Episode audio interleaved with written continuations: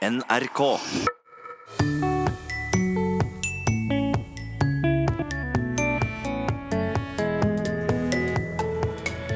Det kjøres så mye for tida, skriver en lytter til oss. Når kom all denne kjøringa inn i språket vårt? Jeg har også lagt merke til at dette er en bruk av verbet kjøre eh, som har fått en oppsving. Og det blir mange lytterspørsmål i Språkteigen i dag. Og så blir det litt om det lille ordet så, som strykes flittig av røde penner. Men hvorfor blir vi da ikke kvitt det? kan hende har så funksjoner som vi ikke helt er klar over. Vel møtt til Språkteigen. Vi vier altså mye plass til lytterspørsmål i dagens Språkteigen, og Tor Erik Gjenstad, det første spørsmålet, kommer fra Nord-Norge. Roy skriver at som nordlendinger flest så har han fått høre at han har mange merkelige ord i dialekten sin, og han kunne tenke seg å få høre litt om opphavet til noen av dem. Det første han spør om, er ordet gytjepung. Og da, Tor Erik, er vi vel inne i skjellsordkategorien. Ja, Øh, det er nok skjellsordkategorien, ja. uh, ekte nordnorsk skjellsord, det her kanskje vi skal opp til Troms særlig. Uh, pung er jo ikke så uvanlig som sisteledd i skjellsord, som hummelpung og, og så videre. Uh, det her jikke, førsteleddet, uh, det tror jeg nok er laga til å gyte. Ja, Så en gyttepung det tror jeg bokstavelig kan oversette med en rognpose. Og det, det kan jo passe bra som skjellsord, ja. Men det er ekte nordnorsk, det her. ikke noe særlig hedersord, kanskje? Nei da. Ei ordsamling fra Astafjorden oppe i Tromsø. Det er forklart som en som fer og rek mye. Men Det er nå overført på folk, men jeg tror det må ga tilbake på gyting og, og rogn, ja. Det andre ordet Roy spør om, det er å base. Altså å base i snøen, som han gjorde i sin barndom. Hvor kommer det fra? ja. Kan jeg altså ikke ha basa i snøa? Nei. eh, basa i hei og Nei, altså, det, det kommer etter det som ordbøkene sier, så kommer det ifra lågtysk eller nedertysk. Eh, Du har et eh, verb der, basen, som betyr å ja, å opptre litt uh, tankeløst. Så det kan være derifra, Uh, men det er nok gammelt. Ikke belagt i norrønt, men uh, du har det både i islandsk og, og, og færøysk og i svenske dialekter. Og nokså vanlig i, i all norsk, det der å, å basa ja, om å tommel og velte seg. Ja. Det er derfor du Så- sier det. Hvem, har ikke, hvem er det som ikke har basa? For Ja, det er så veldig vanlig. det er nok de. Aller flest som har prøva det. Ja. Og nå så er det så fin snøvinter mange plasser, så baser de seg nok ungene, ja. Nå er det litt usikkert opprinnelse, altså, men det er, det er slektninger i eh, ja, i, i nordlige eh, germanske språk, da. Ei vorve er i lomsmålet putene mellom fingerledda og på innsida av handa. Og det samme kalles disse putene på tær og føtter. Vorven kalles dem i flertall, men hva kommer disse dialektorda av, og brukes det i andre dialekter? Og hva kalles egentlig disse sjelden omtalte, men likevel viktige deler av menneskekroppen på nordmært språk, da, spør Jarnfrid Kjøk. Ja, det er vorve, ja. Det finnes i ordbøker, uh, iallfall i norsk ordbok og i nynorskordboka, hvis en slår opp på vodve, V-O-D-V-E, og da vil det være definert som tjukk, kjøttrik muskel, eksempel eh, tjukkleggen, så baksida på leggen, men også denne muskelen ved rota av uh, tommelen. Ja. Uh, Så vodve. Og da er det ei uttaleform her med r. Vorve. Som er belagt nettopp fra lom og sjåk. Og så kommer det også i Indre Sogn med vorv. Og som vørve i Valdres. Og ellers er det mange andre uttaleformer. Men den her D-en som har gått til r, den ser du av og til. Og et eksempel på det, det er jo ordet ørken.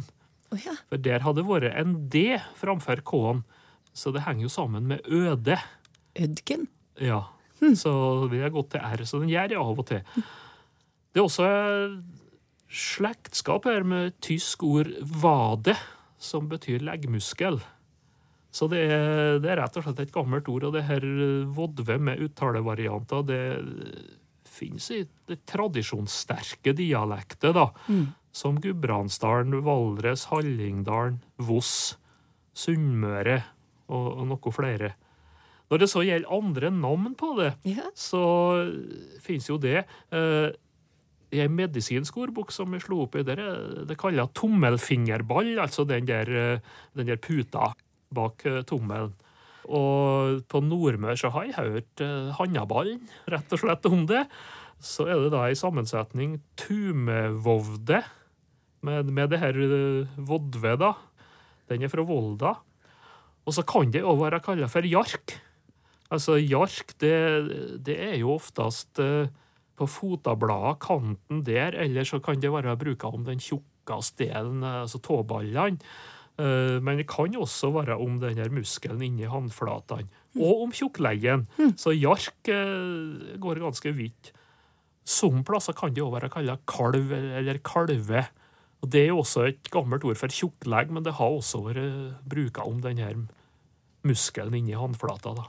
Så det er, det er, ganske mange ord ferdig, og det er sikkert flere òg. Eh, men det her vodve eller vorve, da, det, den er jo godt belagt i norske målføre. Mm. Toril Skei er ute etter bakgrunnen for ordet augit. Det ble brukt for å få hesten til å rygge, men hvor kommer det fra, spør hun.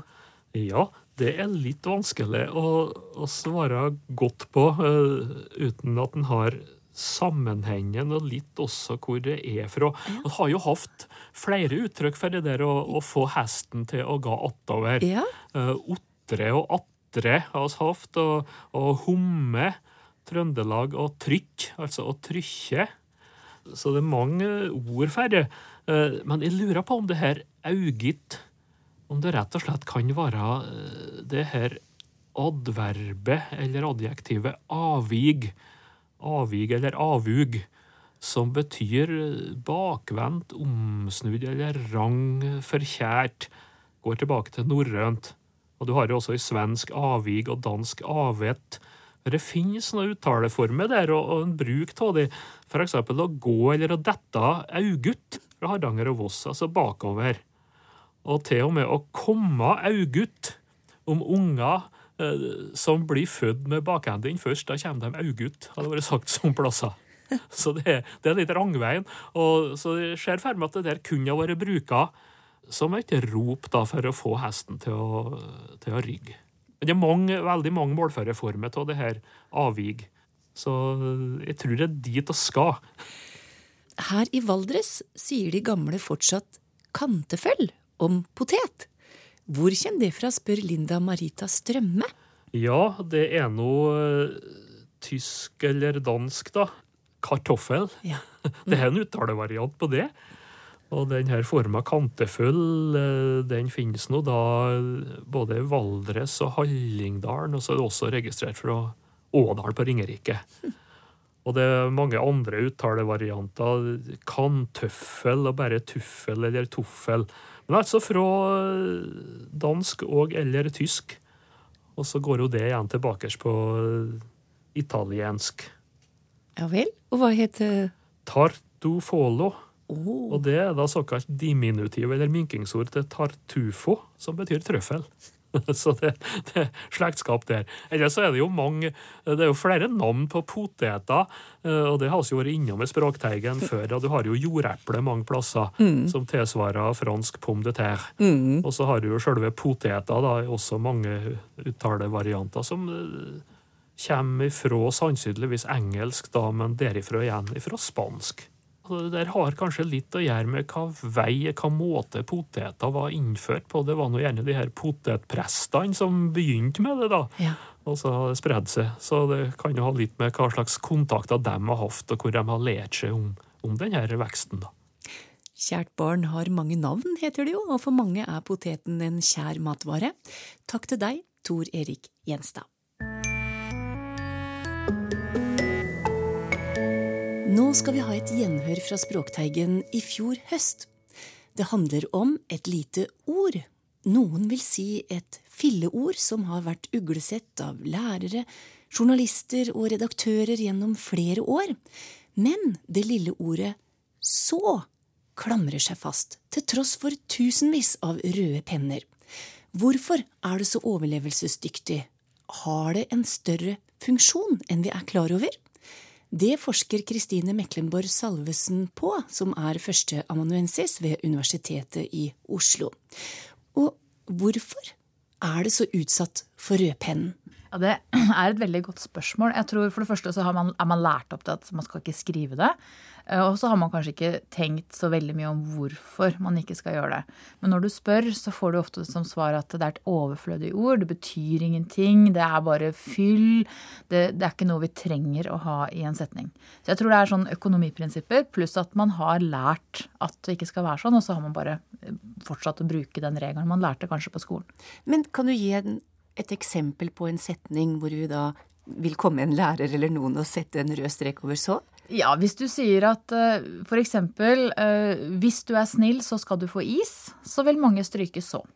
Eller uh, kanskje enda tydeligere, tydeligere i en setning som nå så sier han noe annet, så vil mange stryke så. Men du hører det, og du hører det hele tida. Så i skrift så, er, så går vi rødpenn, men hvis vi sier det, så er det ingen som korrigerer oss? Nei, jeg har i hvert fall aldri opplevd å bli korrigert når jeg sier så. Det kan tenkes det blir annerledes når det har vært på Språkteigen, at folk begynner å fortelle meg at nå sa du så. Men samtidig så syns jeg jo Der hørte du det. Samtidig så. Så syns jeg det er et uh, veldig interessant ord. For det er veldig interessant av et ord som er så uglesett at det lever i beste velgående. Du har jo jobba som både journalist og ja. lærer. Ja. Så da har du òg fått høre dette i dine yrkesvalg, da? Ja, altså eh, jeg jobba i Dagsavisen som skrivende journalist i noen år. Og da var det helt standard idet jeg var ferdig med å skrive en sak, og før jeg sendte den over til desken, så var det å skanne teksten for så at, og slett, slett, slett, slett. slett. Um, og også i skolen. Og det var jo egentlig det, den interessen for så dukka også opp da jeg vikarierte på en ungdomsskole for tre år sia. Hvor de skulle skrive en tekst. da. Og hadde mange kjempeflinke elever. Men sjøl de elevene som stort sett fikk seks, de skrev så. Etter alle. Hvis, du hadde et adverbial første setningen, så skrev de så. Og det fascinerte meg, for jeg strøk jo ut. Det var jo det jeg var drilla til, jeg òg, selvfølgelig. Og så begynte jeg å tenke hvorfor i all verden er det sånn? Altså, det er helt tydelig at det her er den naturlige måten for disse elevene her å uttrykke seg på. Og hvorfor er det sånn, og hvorfor skriver vi det ikke? Og så begynte jeg å, å grave litt i det. Ja, og den gravinga har endt opp i et forskningsprosjekt som i utgangspunktet handler om noe helt annet? Ja. Jeg har fått forskningsmidler fra Norges forskningsråd øh, og Universitetet i Oslo for å se på ordstilling i et sånt nesten tusenårig perspektiv. Eh, I norsk så sier vi eh, Hørte du det kom en så? Eh, I norsk så sier vi f.eks. at i dag er det fint vær. Og da kommer det etter verbet, men vi kan si det er fint vær i dag, og da kommer det foran verbet. Og det de setningene har felles, er at verbet kommer på annenplass, og det kaller vi et vetospråk. V for verb og to for annenplass. Og det karakteriserer alle de moderne germanske språka, altså de nærmeste språka vi er i slekt med, med unntak av engelsk. Men hvis vi går tilbake til middelalderen, så hadde du det også i romanske språk, sånn som fransk og italiensk. Og så forsvant det sånn på 1300-1400-tallet i fransk og italiensk, mens man har bevart det i germansk. Og på, ser vi på alle språk i hele verden, så er det her ekstremt sjelden. Det er nesten bare de germanske språka som har det. Og det er også litt sånn kronglete måte å konstruere språket på. For må, hjernen din må huske nå har jeg et førsteledd, så skal jeg ha verbet, og så kommer subjektet. Og det kan etter hvert være mye å holde styr på for en liten hjerne. Men allikevel altså, så har det vist seg ekstremt robust i over 1000 år. Og da er spørsmålet hva er det som gjør det her til en robust struktur. Og det som jeg lurer på, er om det her kan ses i sammenheng med dette lille så-ordet. Fordi hvis du har Du kan tenke deg at du har et langt ledd. Du kan si Eh, etter å ha løpt 14 eh, runder og gjennom idrettsbanen og spist en bedre middag, gikk han hjem.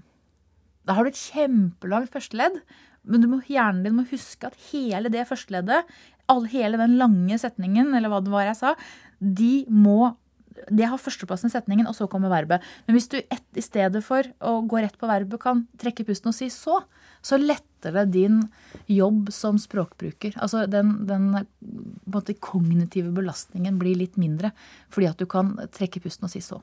Så det gjør at eh, V2-strukturen bevares? Det er hypotesen min, i Ja. hvert fall. Ja. Men hvordan vil du begrunne hypotesen om at dette så-ordet er så viktig, da? Eh, hvis du ser på fransk, eh, som hadde verbet på annenplass, og som var et eh, språk som hadde på altså 1200-tallsfransk, ser veldig likt ut som norsk sånn i overflatestruktur, med, med noen unntak. Men i hvert fall når du tenker på ordrekkefølgen, så er den veldig norsk. Men de har også et så-ord som heter si. Og det opptrer stort sett på alle de posisjonene hvor vi eh, finner det i norsk. Eh, Og hvis du ser på hvor vanlig det er, så vil vi se at på, på 1200-tallet så er det vanligere med, med si i fransk enn det er tilsvarende periode i svensk, som jeg antar er relativt likt norsk. Så 1200-tallet så er det ganske likt. Allikevel så blir det borte i fransk. Og det som det ser ut som, eh, det er at det er så-ordet som forsvinner først, og så ordstillinga. Det er i hvert fall det som det, det her må jeg gå veldig nøye gjennom og, og virkelig se på. Men det, akkurat nå så ser det ut som det er faktisk i det øyeblikket du mister så-ordet ditt, så mister du også ordstillinga. Men det her, er, her er det helt klart mange faktorer som spiller sammen. Men det er, det, dette henger sammen på en måte som vi må se ganske grundig på for å forstå, tror jeg. Fransk er jo ditt fagområde, så hvorfor reiser du nå rundt i hele Europa og prater om bruken av så? Altså, hvorfor roter du deg bort i norsk? Ja, det kan du si. Eh, Det som er årsaken til det, er at jeg har jobba i veldig mange år med ordstilling i gammelfransk. Og så er det det at du ser helt til parallellene mellom gammelfransk og spesielt skandinavisk.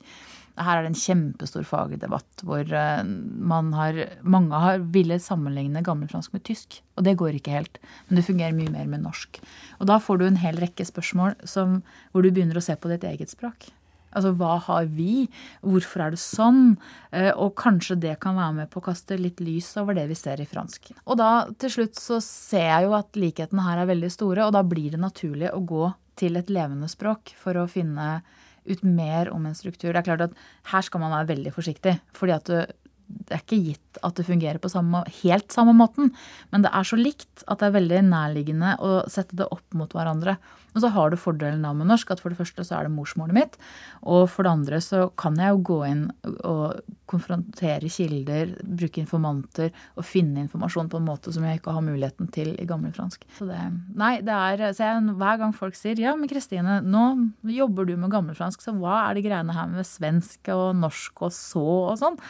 Altså, ja, ja, men det er forbundet. Det er en forbindelse her langt ute. Og det er den du vil finne ut av? Det er den jeg vil finne ut av, og det er den som jeg, målet jo er til slutt å kunne knytte alt det her sammen. Hvorfor overlever så i norsk, da? På tross av alle rødpenner? Ja, det kan du si. Eh, jeg tror nok at En av grunnene til at det består, er jo at vi bruker det hele tida. Så når du begynner å høre etter det, så vil du høre det hele tida. Eh, og, sånn at det er så ekstremt viktig i det talte språket. Og så kan man tenke seg sammenhenger hvor det å bruke så kan endre tolkningen av en setning. Og Det er også litt interessant, for det sier noe om at det kan hende har så funksjoner som vi ikke helt er klar over. Jeg har veldig vondt for å tro at språket bevarer noe som er helt meningsløst i over 1000 år, nemlig. Så det, er, det er, har en funksjon. Det, om det er funksjonen at det, åh, gudskjelov, nå kan jeg trekke pusten-funksjonen. Eller om det har en eller annen betydningsfunksjon i tillegg. eh, Eller kanskje begge deler. Det, så, så det språket tillater eh, sjelden altfor mye grums i maskineriet. For språket er et ganske økonomisk system. Syns du at vi bør bli mindre strenge med dette ordet? Så? Ja, jeg syns det. Jeg, jeg tenker på så som sånn lite sånn løvetannord. Eh, man kan luke og luke og luke, liksom. Men samtidig så er løvetannen er jo ganske beundringsverdig. Og samtidig så er det det med at så har antageligvis en funksjon. Jeg ser ikke at det er så veldig alvorlig å skrive den heller. Og så har jeg blitt glad i det lille ordet her, da. Jeg har jo jobba nå med det i ganske lang tid og driver og sammenligner forskjellige språk. og jeg tror jeg en gang har sammenligna det her med håret under armene til damene. Altså, Vi vet at det er der naturlig, men vi fjerner det allikevel. Vi liker det ikke. Så det er litt sånn med så også. Man fjerner det fordi man syns ikke det er noe fint. Men eh, jeg, ser, jeg syns det er veldig eh, greit å bruke det. Det sa Kristine Meklenborg Salvesen, som er førsteamanuensis ved Universitetet i Oslo. Som jeg lovte, så blir det flere lytterspørsmål, og Toril Oppsal har kommet i studio. Det første går slik. Det kjøres mye for tida, skriver Terje Kongsrud. På jobben fikk vi beskjed om at det skal kjøres brannøvelse. På treningssenteret sier de eksempel at i dag skal jeg kjøre rygg, altså ha fokus på ryggtrening. Eller til middag, da kan vi høre jeg kjører kylling. Når begynte vi med all denne kjøringa? Ja, eh, jeg skulle ønske jeg hadde et uh, entydig svar, men det har jeg ikke. Jeg har også lagt merke til at dette er en bruk av verbet kjøre uh, som har fått en oppsving.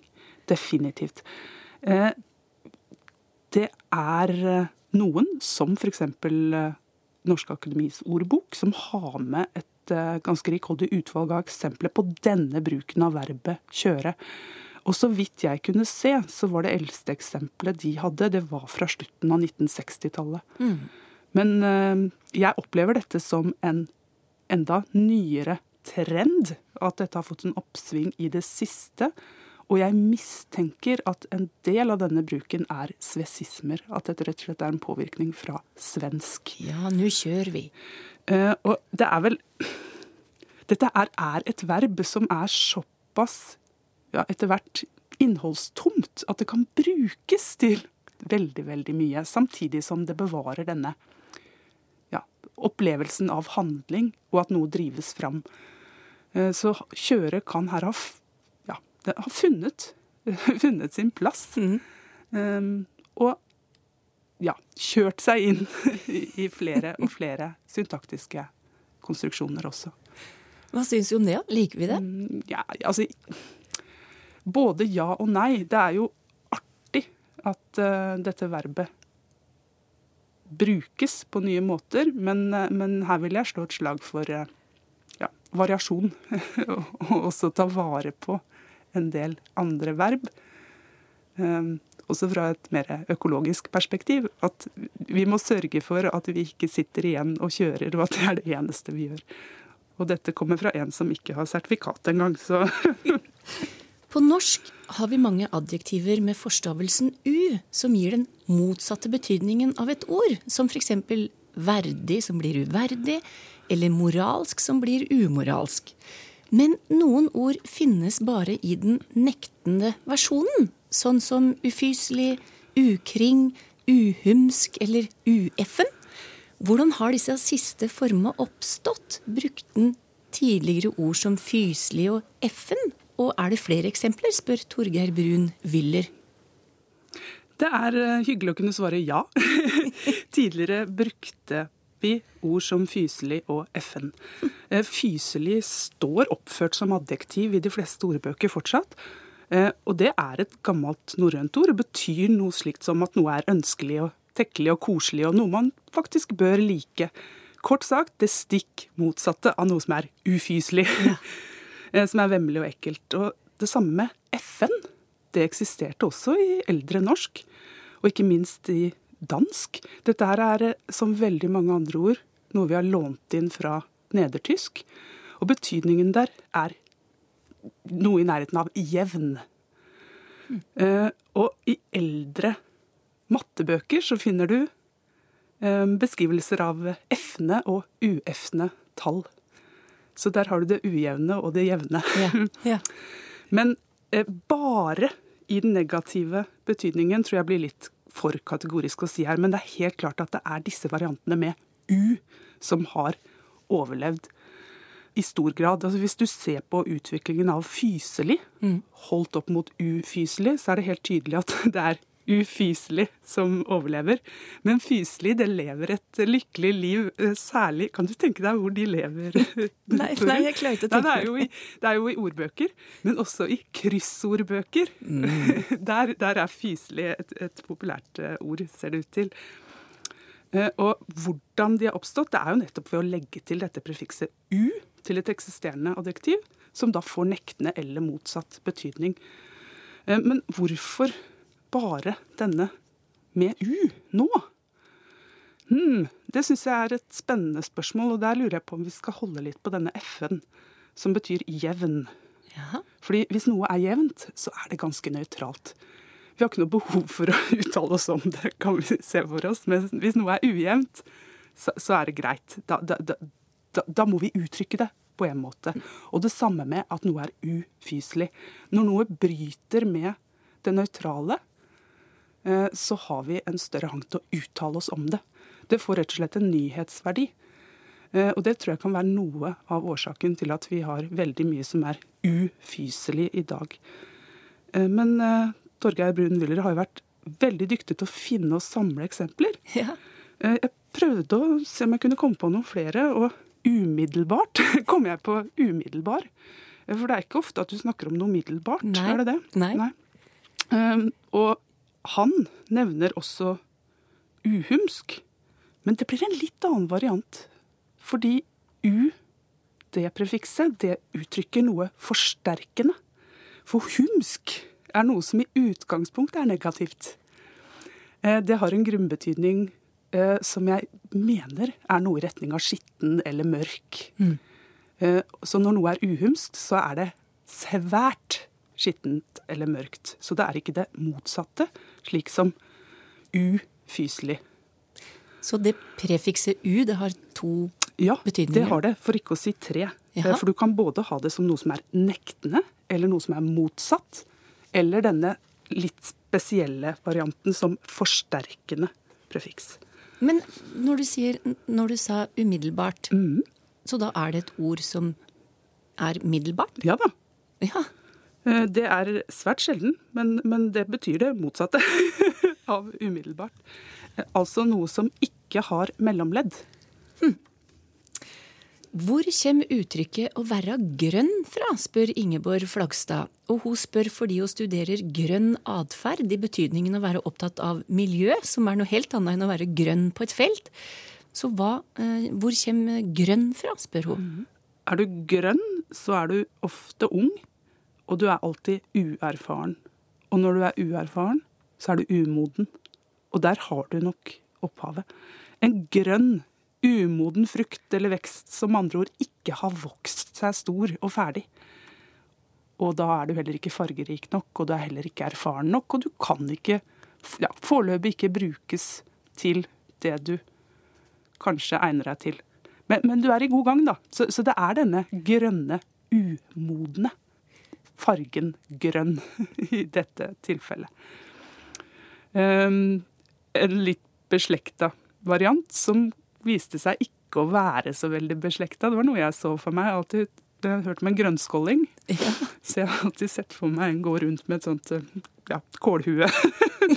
men men det, det er rett og slett et annet ord for en nyutklekka fugleunge. Å, Så her er vi inne på noe ganske interessant. Men denne å være grønn, det er nok å være uerfaren og umoden. Og i ferd med å modnes. vet vi noe om når du kom inn i språket? Eh, Dette her er noe som har vært der ganske lenge, men eh, jeg kan ikke tidsfeste dette her. Nei. Mm. Mm. Men, men det er et godt bilde. og det å ikke ha vokst seg ferdig og være klar. Vi, vi kjenner oss vel litt igjen i denne følelsen. Det skaper en ganske tydelig følelse hos mange av oss, det å være grønn. Det ble siste svar i dag, det. Takk til deg, Toril Oppsal. Har du spørsmål om språk, så send det til oss. Teigen krøllalfa nrk.no, eller finn Språkteigen på Facebook. Der plukker vi òg opp spørsmål som kommer. Takk for følget i dag. Ha det bra.